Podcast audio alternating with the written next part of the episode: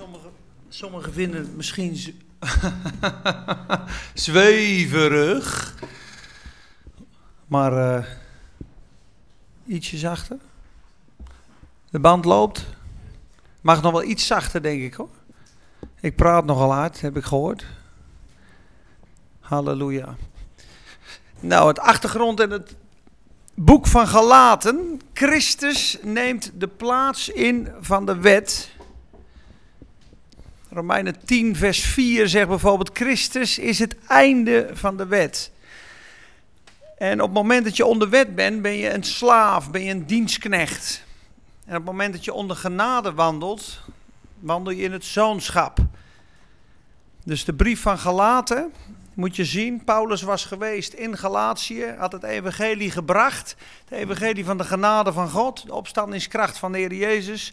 Iedereen was blij, de zonden waren vergeven, ze waren vol van genade, vol van de zegen. En na een aantal maanden kwamen er wat judaïstische, joodse fanatiekelingen. Die kwamen langst en die zeiden, nou die Paulus die heeft helemaal gelijk, maar er moet nog wel wat bij.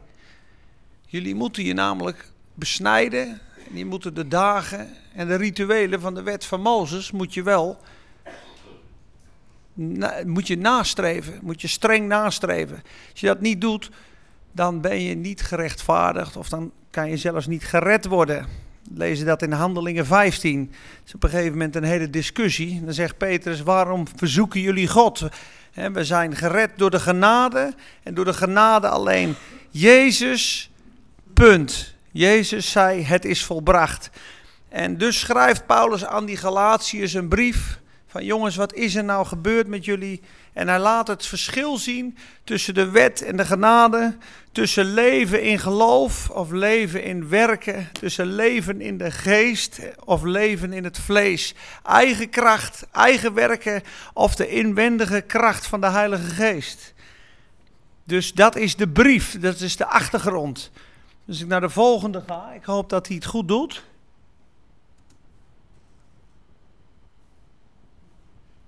Ja, perfect. Kijk, als we nou nergens meer aankomen, gaat helemaal goed. De Galatenbrief, ge de gebondenheid van de wet versus de heerlijke vrijheid van de genade. En als we niet uitkijken, verleidt Satan ons, en daar is hij een meester in, om God te dienen in eigen kracht. Dus je staat op, vers 1 van Galaten is door de opstanding van Jezus Christus. En het laatste vers van Galaten is: De genade zij met uw geest. Dus het is in opstandingskracht en het is in de geest. Het moment dat je de dag begint of het leven van een christen wil leven zonder de kracht van de opstanding, blijf je dus op aarde. Hè. Ga je, stijg je eigenlijk niet op in de kracht van de Heilige Geest waar je woont, in het hemelse Jeruzalem. Dat zullen we straks ook zien. En wij zijn boven, we zijn van boven. Het Israël wat van boven is, wat vrij is. Daar wonen wij, dat is onze moeder. Dus zonder de kracht van de opstanding leef je een aards leven. Zonder in de geest te zijn. We zingen net het heilige der heiligen. Je moet nagaan, je lichaam is geestelijk een beeld van de voorhof. Je ziel is van het heilige. En het heilige der heiligen is het diepste, diepste binnenste van je. Dat is de geest. Daar zit Jezus. 2 Timotheus 4 vers 22 is een gouden vers. Daar staat, de Heere Jezus Christus zij met uw geest. Met andere woorden, je kunt alleen Jezus contact, contact leggen, eigenlijk hem beroeren of aanraken, gemeenschap met hem hebben in de geest. Daarom zegt God natuurlijk ook: Ik zoek aanbidders in geest en in waarheid.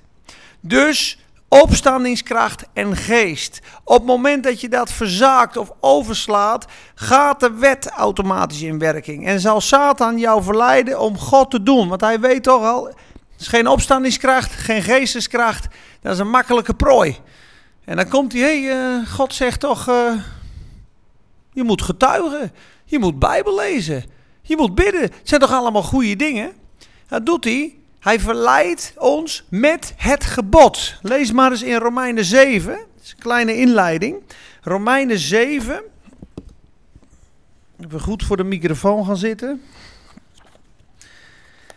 Romeinen 7 gaat over de inwendige strijd. En je weet, Romeinen 6 is de identificatie met de dood van Jezus. Alles wat Jezus meegemaakt heeft, heeft hij als ons gedragen.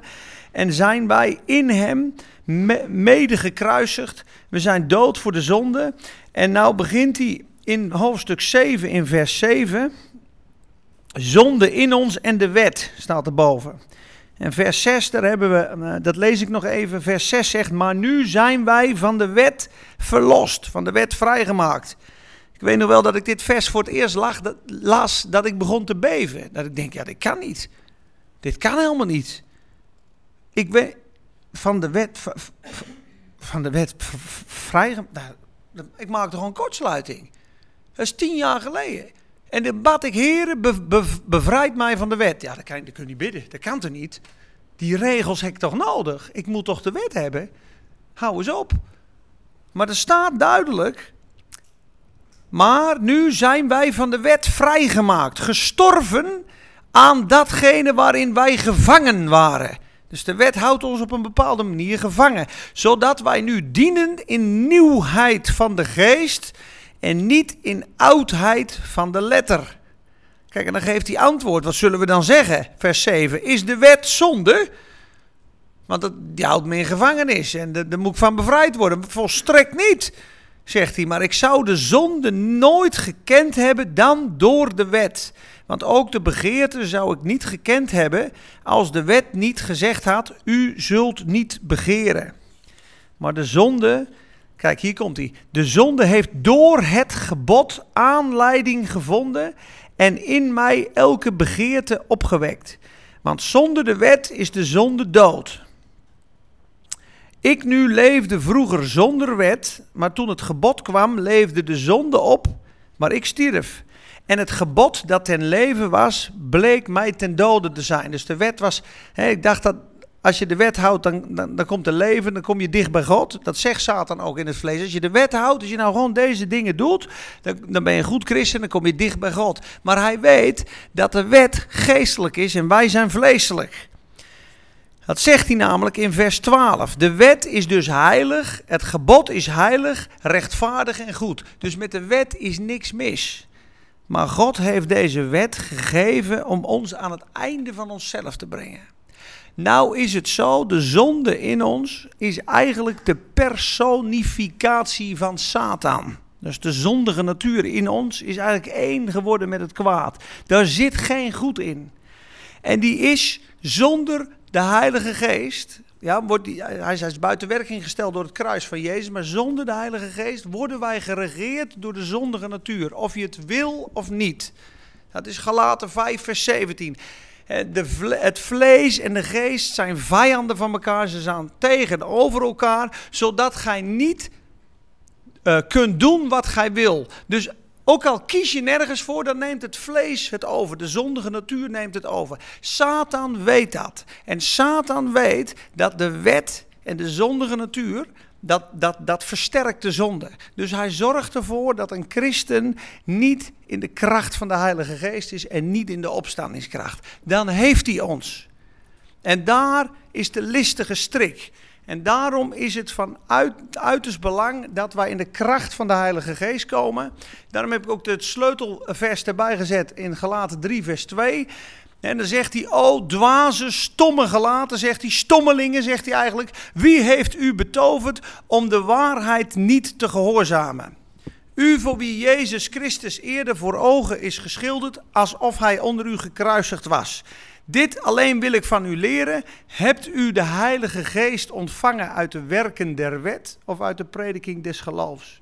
Met andere woorden, hij zegt, toen ik tot u kwam, heb ik gewoon gepreekt. Ik heb geschilderd Jezus Christus en die gekruisigd. Dit is het offer voor je zonde. Op het moment dat je dat aanvaarde en geloofde, was je gehoorzaam aan het geloof, bevestigde de Heilige Geest mijn prediking en hij vulde je. En daar heb je niks voor gedaan. Je hebt niet gevast in die week. Je hebt niet dingen gedaan voor God. Je hebt de wet niet gehouden. Nee, je hebt geloofd. Hé Jenny. Dus dat is de achtergrond.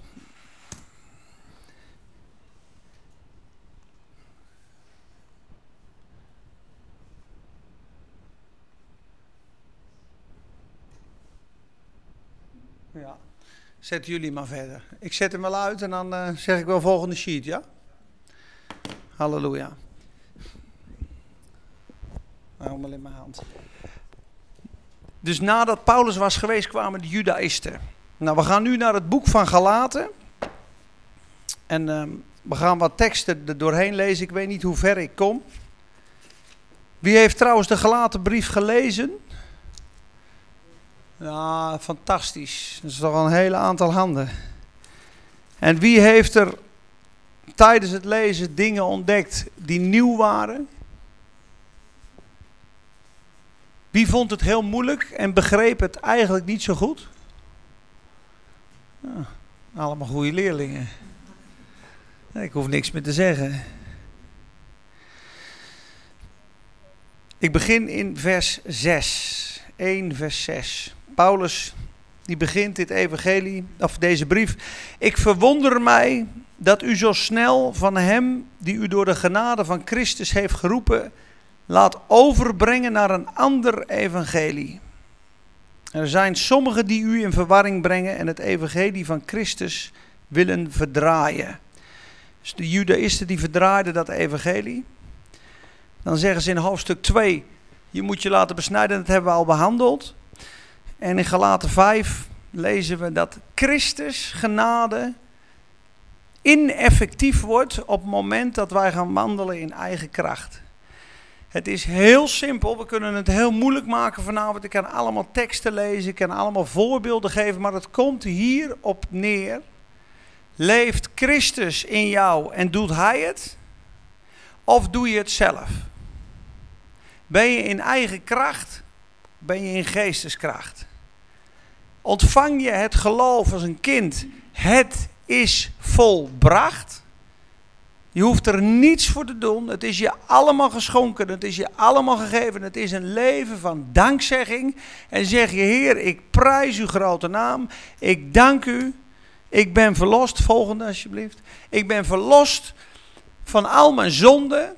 En dit evangelie is het. Op een gegeven moment begint hij aan het begin. Ehm, Christus heeft ons zichzelf gegeven voor onze zonde, opdat hij ons zou trekken uit, de, uit deze boze wereld.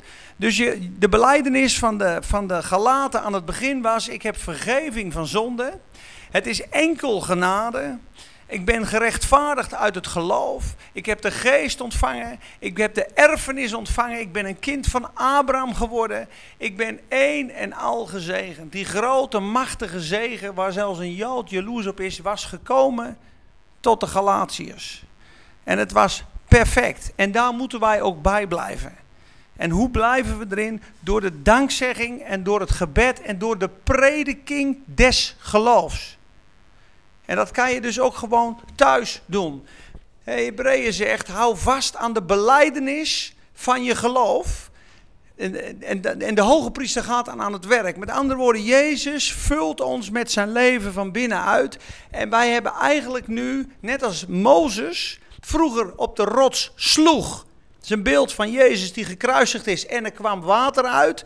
Daarna zegt God, ik wil niet meer dat je slaat, ik wil dat je spreekt tot de rots. En op het moment dat je spreekt, komt er water uit. Dat is een beeld van het spreken. Wij hebben nu de rechtvaardigheid uit het geloof, Romeinen 10, vers 8, dat als we met onze mond beleiden, Jezus is Heer, en met ons hart geloven dat God hem uit de doden heeft opgewekt, zullen wij gered worden. Want met de mond beleidt men tot zaligheid en met het hart gelooft men tot gerechtvaardigheid. En het woord is nou bij u in uw mond. Met andere woorden, ik dank u, Heer, dat mijn zonden vergeven zijn. Is het ontvangen van de zegen dat je zonden vergeven zijn. Ik dank u dat u bidt en pleit voor mij aan de rechterhand van de Vader. Ik prijs u, Heer, dat het woord zegt dat ik gekruisigd ben met u, dat ik een nieuw leven heb, dat ik een kind van Abraham ben, dat ik, indien ik in het geloof sta, ik gezegend ben. Ik ben een erfgenaam van u. Uw geest is in mij. Ik heb het zoonschap gekregen, hoofdstuk 4. En ik ben een erfgenaam. Mijn toekomst is vast. Heer, ik prijs u daarvoor. Als je zo praat, als je zo dank zegt, dan voel je het leven al stromen. Dan beroer je eigenlijk al Jezus. Dan ben je eigenlijk je geest aan het beoefenen. Dan zeg je, Heer, ik weet dat u in mijn hart zit. Ik wil u, ik wil u ontmoeten. En we hebben het vorige week gesproken, ik weet niet of dat zondag was, over Madame Gouillon. Dat is een vrouw uit Frankrijk. Het was een hele oprechte vrouw, die zocht God. En, maar ze was depressief, want ze had altijd zwakheid, ze had altijd zonde. Totdat iemand tegen haar zei, mevrouw, ik denk dat u zoekt wat buiten u is, maar het zit van binnen. De Heer Jezus zit van binnen. En vanaf die dag is zij anders God gaan zoeken. Niet meer van buiten met allerlei boeken en dingen. Maar ze is eigenlijk met de Heer gaan praten van binnenuit. En dat zegt Galaten ook. Galaten 1 vers 16. Het heeft God behaagd om zijn zoon in mij te openbaren. Zegt hij aan Paulus. Dus Jezus in ons, die wil zich openbaren aan ons. En dat is een hele andere manier van wandelen. Dat is wandelen naar de inwendige werking van de Heilige Geest en niet meer de uitwendige werking van de wet en de geboden. Je moet nagaan als ik op straat loop. Dit is een voorbeeld van een man uit Rusland. Hij had toen het verschil tussen wet en genade. En zijn twee voorbeelden. De eerste is, hij zegt, stel je voor, er staat een ongelovige vriend aan je deur en die zegt, heb je zin om vandaag met mij naar de kermis te gaan? Hij zegt, een religieus mens die wettisch leeft, die denkt aan dit. Uh, kermis, ja, dat is niet echt geestelijk. Waar is God niet in behaagd? Uh, nee, ik ga niet mee. Hij koppelt hem naar de wet. Maar een, een, een, een geestvervuld christen die overlegt met God, die kan naar binnen koppelen en zegt, Heer, moet ik met hem meegaan? Wat zegt u? En hij voelt sterk dat de Heilige Geest van binnen de vrede geeft. Ja, ga maar met hem mee. En je gaat met hem mee. Die jongen stort zijn hart uit op de kermis. En aan het eind van de middag bij aan het bidden. En hij geeft zijn hart aan God. Dat was de leiding van de Heilige Geest. Maar iemand die van buitenaf leeft, die denkt: ja, dat is niet geestelijk, dus dat kan niet. Hetzelfde als ik 100 euro heb. Stel je voor, ik heb 100 euro. Ik wil dat weggeven aan één persoon in de zaal. En ik zeg: lieverd, God zegt tegen mij dat ik jou 100 euro moet geven. Een wettisch denken zegt dan, hmm, en die andere dan? Dan had iedereen 1 euro moeten geven. Dat is eerlijk, want nu behandelt hij haar meer dan, dan de rest. Iedereen is toch gelijk? Ik noem maar wat. Zo kan, zo kan een wettisch denken opereren. Dus wij moeten van het oude verbond, van de wet van buiten, moeten we keren naar de geest van binnen. En de Heilige Geest schrijft de wet op ons hart. En we moeten leren vertrouwen op de Heilige Geest. En een heel mooi voorbeeld van Watchmanie is bijvoorbeeld dit. Er was een man die komt tot geloof in China, was alcoholist, uh, had geen Bijbel en kon ook niet lezen. Was wel tot geloof gekomen. En er stond altijd een, drank, een fles drank op tafel. En hij was tot geloof gekomen en hij wilde gaan bidden. En op het moment dat hij het gebed wil uitspreken, zegt hij tegen zijn vrouw: Iets in mij, ik denk dat het de Heer is die zegt dat deze fles weg moet. Van tafel, voor het gebed. Dus ze zetten die fles weg en een, een dag later zegt hij tegen Watchman van... Uh, ja, ik, ik, ik, ik werd geleid om die fles van tafel te doen. Toen zei Watchman dat is nou precies het, hetgene wat het is. Zo leidt God de gelovigen. En dat is wat we moeten gaan leren. En dat is eigenlijk de, eh, de essentie van het boek Galaten. Dat je gaat leren wandelen op een nieuwe manier, geleid door de Heilige Geest. In een relatie met Jezus, een relatie met God, een relatie met de Heilige Geest. En die kan dingen doen waarvan het wettische denken zegt, dat kan nooit zo zijn. En de, de Bijbel zegt bijvoorbeeld nergens dat ik een crusade in Pakistan moet houden. Of dat ik moet stoppen en een vrouw op de fiets moet aanspreken over Jezus. Dat kan alleen door het leven van binnen. Dus ik geef maar aan de essentie, uh, volgende alsjeblieft. Kijk, de essentie van de hele gelaten brief is dit. Doe je het zelf of laat je het over aan de Heer? Daar komt alles op neer. Vertrouwen of rusten in eigen kracht of eigen kracht en slavernij. Nou, dan gaan we de rode draad bestuderen. Ik hoop dat jullie allemaal een Bijbel bij je hebben.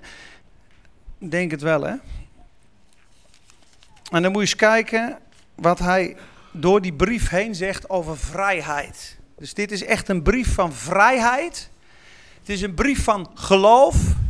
En het is een brief van genade. Wat heerlijk als we daar allemaal in mogen wandelen. Dat je zegt, ik ben vrij in de geest. Ik ben echt vrij. Vrij van de wet, vrij van mezelf. Vrij van de zonde, vrij van de schuld. Vrij van het proberen. Als je die vrijheid mag hebben. Als je kan zeggen, ik ben in het geloof en ik ben volledig in de genade. Ik zou je zeggen, dan draag je elke dag bakken met vrucht. Echt waar. Dan ben je echt op de juiste plaats. In de vrijheid, in de geest, in het geloof. Dan is er vreugde, is er dankzegging, is er rust, er is blijdschap. De geest is aan het werk. En je denkt eigenlijk aan het eind van de dag, nou ja, is het zo eenvoudig? Is het zo eenvoudig? Hoef ik alleen maar mezelf toe te vertrouwen aan, je, aan Jezus en doet Hij dan echt alles wat ik niet kan? Ja. Ja. Zo simpel is het. Zo simpel is het. En ik hoop dat we dat allemaal mogen ontvangen en uitwandelen. 2 vers 4. Titus, maar ook Titus, dat is het, nog, nog een stukje van vers 3, maar ook Titus die bij mij was, hoewel hij een Griek was, werd niet genoodzaakt om zich te laten besnijden. Dat vanwege binnengeslopen valse broeders die zich hadden binnengedrongen om onze vrijheid te bespieden die wij in Christus Jezus hebben. Met het doel ons weer tot slavernij te brengen. Voor hen zijn wij ook geen uren geweken. We hebben ons er niet aan onderworpen, opdat de waarheid van het evangelie bij ons zou blijven. Zie je dat? Op het moment dat je iets gaat doen om erbij toe te voegen, dus je laat je besnijden, dat waren valse broeders, die waren eigenlijk jaloers, die, die zagen die zegen en die, vrij, die vrijheid en die blijdschap en die kwamen heel geleidelijk in die kerk, by stealth, staat er in het Engels, they came in privily by stealth. En ze kwamen dus heel sneaky binnen en ze, ze waren eigenlijk aan het kijken, hoe kunnen die zo vrij zijn en hoe kunnen we ze weer in gebondenheid brengen. En dat wilden ze eigenlijk door te zeggen: hey, uh, jullie zijn niet besneden. Jullie moeten je nog, nog, nog besnijden. Dat is iets van een totaal oud verbond tussen God en Abraham. Dus Paulus zegt, wij hebben dat totaal afgeweken. Daar zijn wij niet voor gebogen. Opdat de waarheid van het evangelie bij ons zou blijven. Dus hadden ze gebogen, hadden ze geluisterd, hadden ze de waarheid van het evangelie kwijt kunnen raken. En dan kom je dus onder wetticisme en onder die vloek. Lees maar eens verder in vers 12, moet je kijken wat er gebeurt bij Petrus. We kennen dit stukje. Petrus heeft Jezus verlogend, hè, dat weten jullie. Hij is in de kracht van de opstanding en uh, uh, hij, uh, hij, eigenlijk is hij weer bij het Sanhedrin in, in handelingen. En dan zegt hij, hij heeft dat eigenlijk overwonnen. Hè? De dag dat Jezus overgeleverd werd, stond hij te vloeken, te zweren, te tieren. Ik ken hem niet, ik hoor niet bij hem. En de, de haan kraaide twee keer. En op een gegeven moment is hij gebroken. Hij, hij weende bitterlijk, staat er. Maar hij wordt hersteld. En op een gegeven moment komt hij in de kracht van de Heilige Geest in de handelingen, preekt hij die boodschap. En dan wordt hij in de gevangenis gegooid. En op een gegeven moment staat hij voor het Sanhedrin en hij is zijn angst totaal kwijt. En hij heeft ontdekt, Jezus is groter dan de dood. Hij was bang voor de dood namelijk. Daarom was hij aan het vloeken en tieren. En toen had hij Jezus gezien, in de op, uit de doden opgestaan. Dan dacht hij, Jezus is groter dan de dood. En toen stond hij voor dat Sanhedrin. Naar wie moet ik luisteren? Naar u of naar God? Oordeelt u zelf. Dus hij was niet meer bang. Zijn rug werd kapotgeslagen. En hij was verheugd dat hij smaadheid mocht leiden voor de naam van Jezus. Dus het was echt een man in overwinning. Maar hier zie je dat hij nog steeds kan falen. Zo'n krachtige apostel, waar mensen in zijn schaduw genazen. Ja, handelingen 5, de schaduw van Petrus. Die is hier bang. Kijk maar eens wat er gebeurt. Paulus wederstaat Petrus in Antiochië, staat erboven. En ik begin in vers 11. Sorry hoor, het is vers 11, neem me niet kwalijk.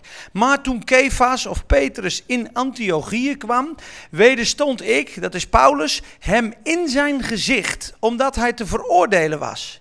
Want voordat er enige, let op, van Jacobus kwamen. Dus broeders van Jacobus at hij met de heidenen uit de volken. Maar toen zij gekomen waren, ontrok hij zich en zonderde zich af uit angst voor hen die uit de besnijdenis waren. En met hem huichelden, hypocrisy, pretending, doen alsof. Ja, ook de overige Joden. Zodat zelfs Barnabas, moet je nagaan, Barnabas was echt, echt een heilige, zuivere broeder. Paulus zegt hij zelfs, zodat zelfs Barnabas meegetrokken werd door hun huichelarij. Maar toen ik zag, moet je kijken, dat zij niet recht wandelden naar de waarheid van het evangelie. Hier zie je dat Paulus duidelijk zegt, het judaïsme, zij die van Jacobus waren, dus die van Jacobus, lees maar in Jacobus, waren ontzettende ijveraars van de wet. Die hielden heel erg vast aan het judaïsme en de oude, uh, de oude beginselen. Dus er komen daar twee van die gasten aanlopen. En Petrus voelt eigenlijk die druk, weet je wel. Van ja, ik preek nu genade. Ik, uh, ik doe niet meer mee aan de Joodse gebruiken. En ze hebben toch een bepaalde lading bij zich van, uh, van gezag. En hij voelt dat. Dus hij gaat ineens aan die andere tafel zitten. En hij doet eigenlijk net van ja, ik zit ook nog uh, een beetje onder wet. Ik ben ook weer bij de Judaïsten. En Paulus die ziet dat, ja, die kookt gewoon. Die zegt, waarom, als jij een bekeerde bent die het evangelie van de genade aan de heidenen preekt, waarom leer je nu dat de heidenen zich weer aan Joodse gebruiken moeten houden? Want als ze jou volgen, dan moeten we allemaal weer onder die wet. En hij noemt ze, ze wandelden niet naar de waarheid van het evangelie. En dan snap je ook een beetje Maarten Luther in 1500, die had heel wat aanmerkingen over het boek Jacobus. Jacobus is in 45 na Christus geschreven, de Paulusbrieven wat later. Jacobus heeft een deel van de wet en een deel van de genade. Is een, is een beetje een mix. En dan kun je hier duidelijk lezen. Zij die van Jacobus waren, zaten nog in het oude gebruik. Petrus gaat met ze meedoen. En Paulus zegt duidelijk: je wandelt niet naar de waarheid van het evangelie. Want de waarheid van het evangelie is pure genade. En dit was geen pure genade. Moet je nagaan dat Paulus niks gezegd had. Had Petrus eigenlijk een beetje wettisch geworden op dit moment. Zullen we er nog een lezen? Galaten 4. Ga ik te snel? Leer je wat? Gaat het goed? Ja?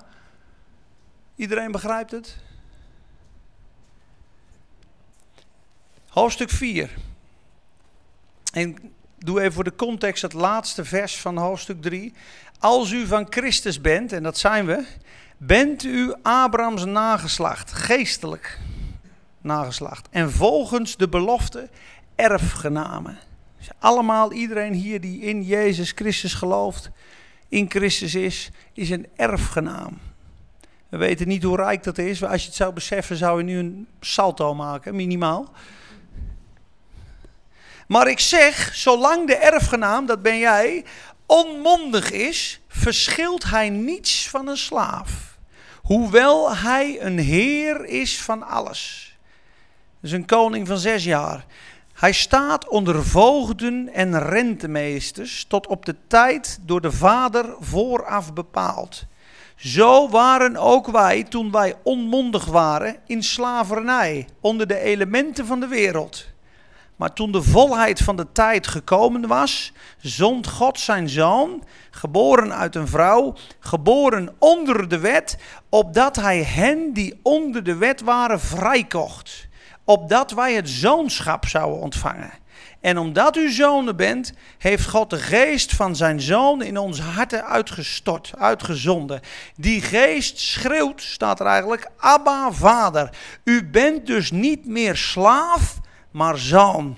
En u bent een zoon, dan ook een erfgenaam door God.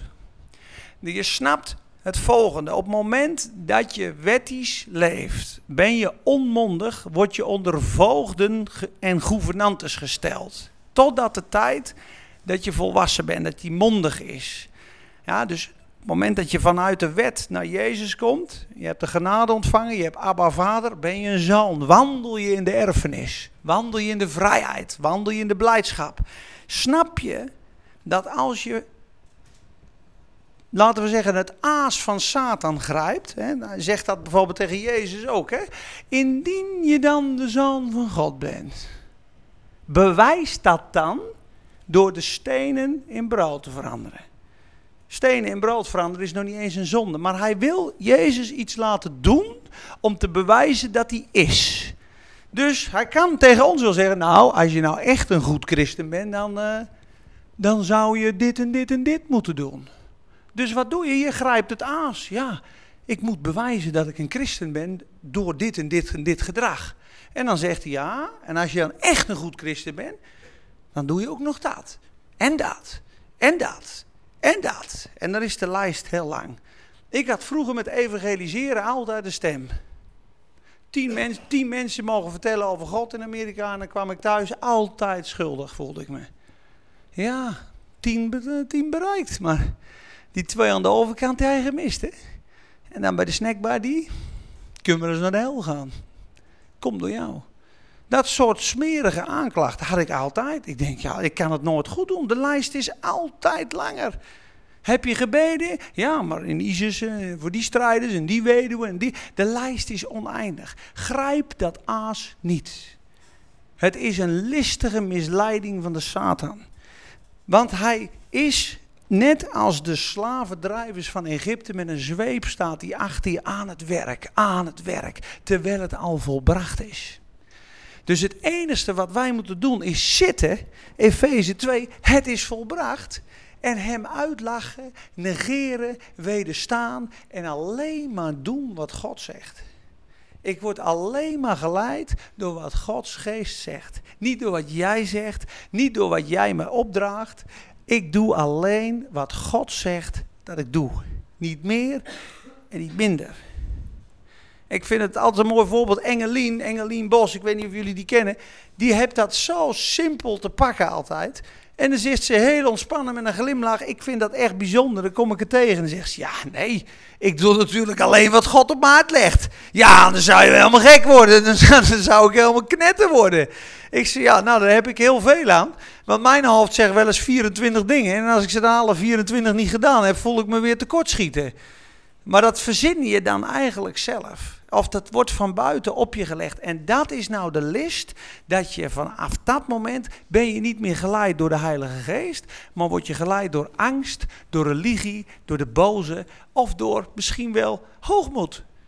Dat jij denkt dat je wel heel goed bent. Dat jij de ambitie hebt om de wereld te redden. En dat jij wel echt, ja, jij bent de enige die het allemaal, God heeft jou nodig. En je moet het allemaal zelf doen. Dat is een valstrik.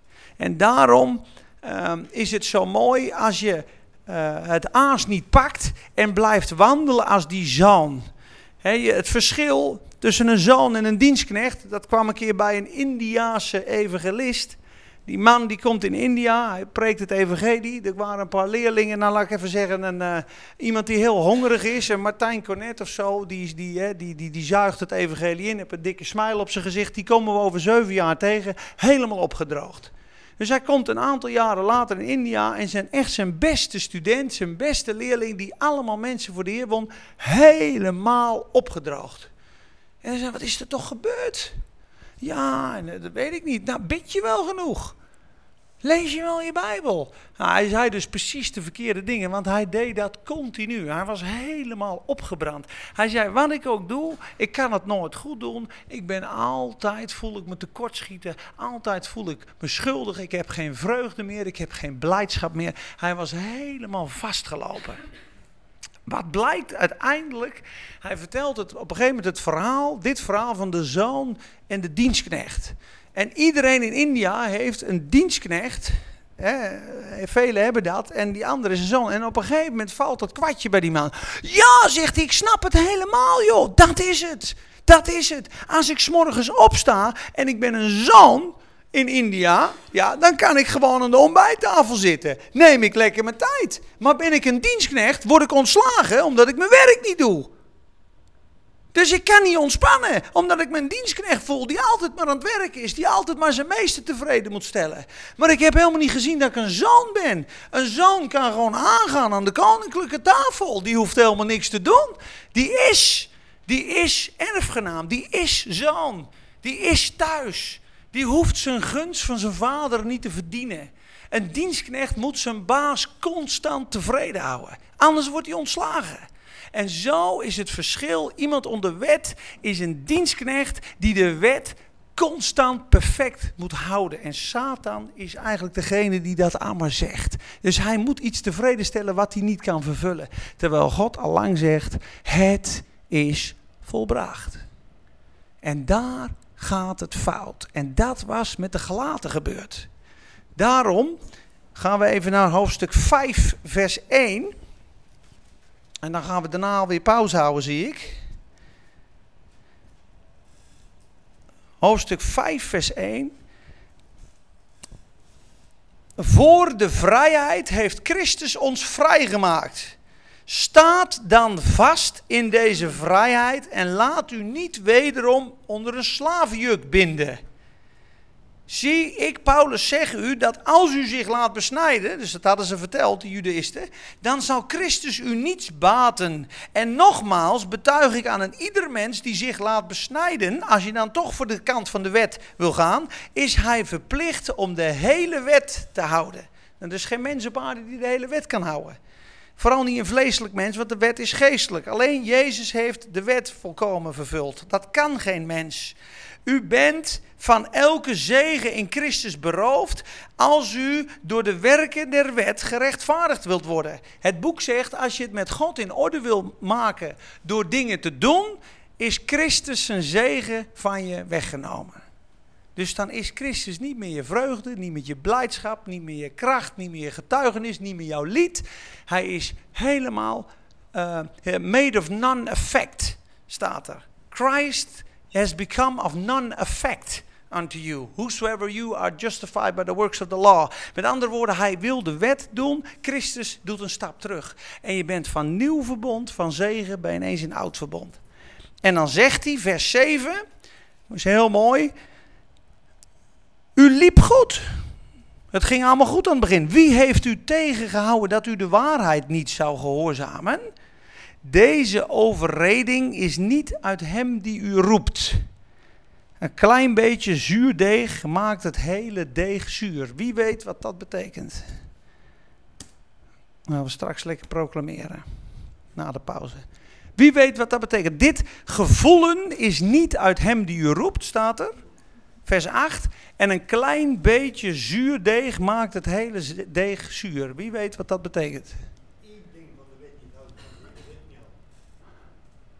Kan? Een ander? Nee, nee. Juist, juist. Dus een klein beetje zuurdezen maakt het hele deeg zuur. Een klein beetje wetticisme verpest de hele genade. Dus een klein beetje gif in een hele mooie slagroomtaart. Een klein stukje stof in een zuivere diamant. Eén verkeerde opmerking tegen je vrouw. Moet je, vier, moet je vier complimenten geven en dan zeggen, maar ik heb wel één. Dat, dat wel. Dan is alles weg. Dus dit gevoelen, weet je wat er staat in vers 8? Dat heeft me echt bevrijd. Ik was hier vroeger, ik heb er nog wel eens, uh, dat, mijn strijd is voornamelijk dit. Hè? Ik word heel vaak opgejaagd, ik ben uh, een lat leg ik best wel eens hoog neer. Voor mij is genade en rust heel belangrijk. Maar wat vers wat mij ontzettend bevrijd heeft, is dat vers 8. Dat er op een gegeven moment staat, dit gevoelen is niet uit hem die u roept.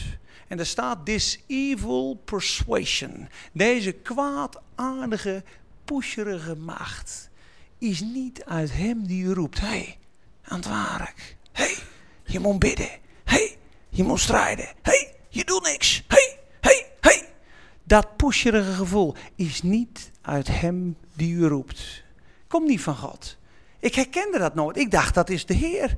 Je lust er niet. En dus je voelt je schuldig. Op een gegeven moment ga je het negeren, maar je weet niet waar het vandaan komt. Dan voel je je toch schuldig. Ja, maar je gehoorzamen God niet. Het is heel listig.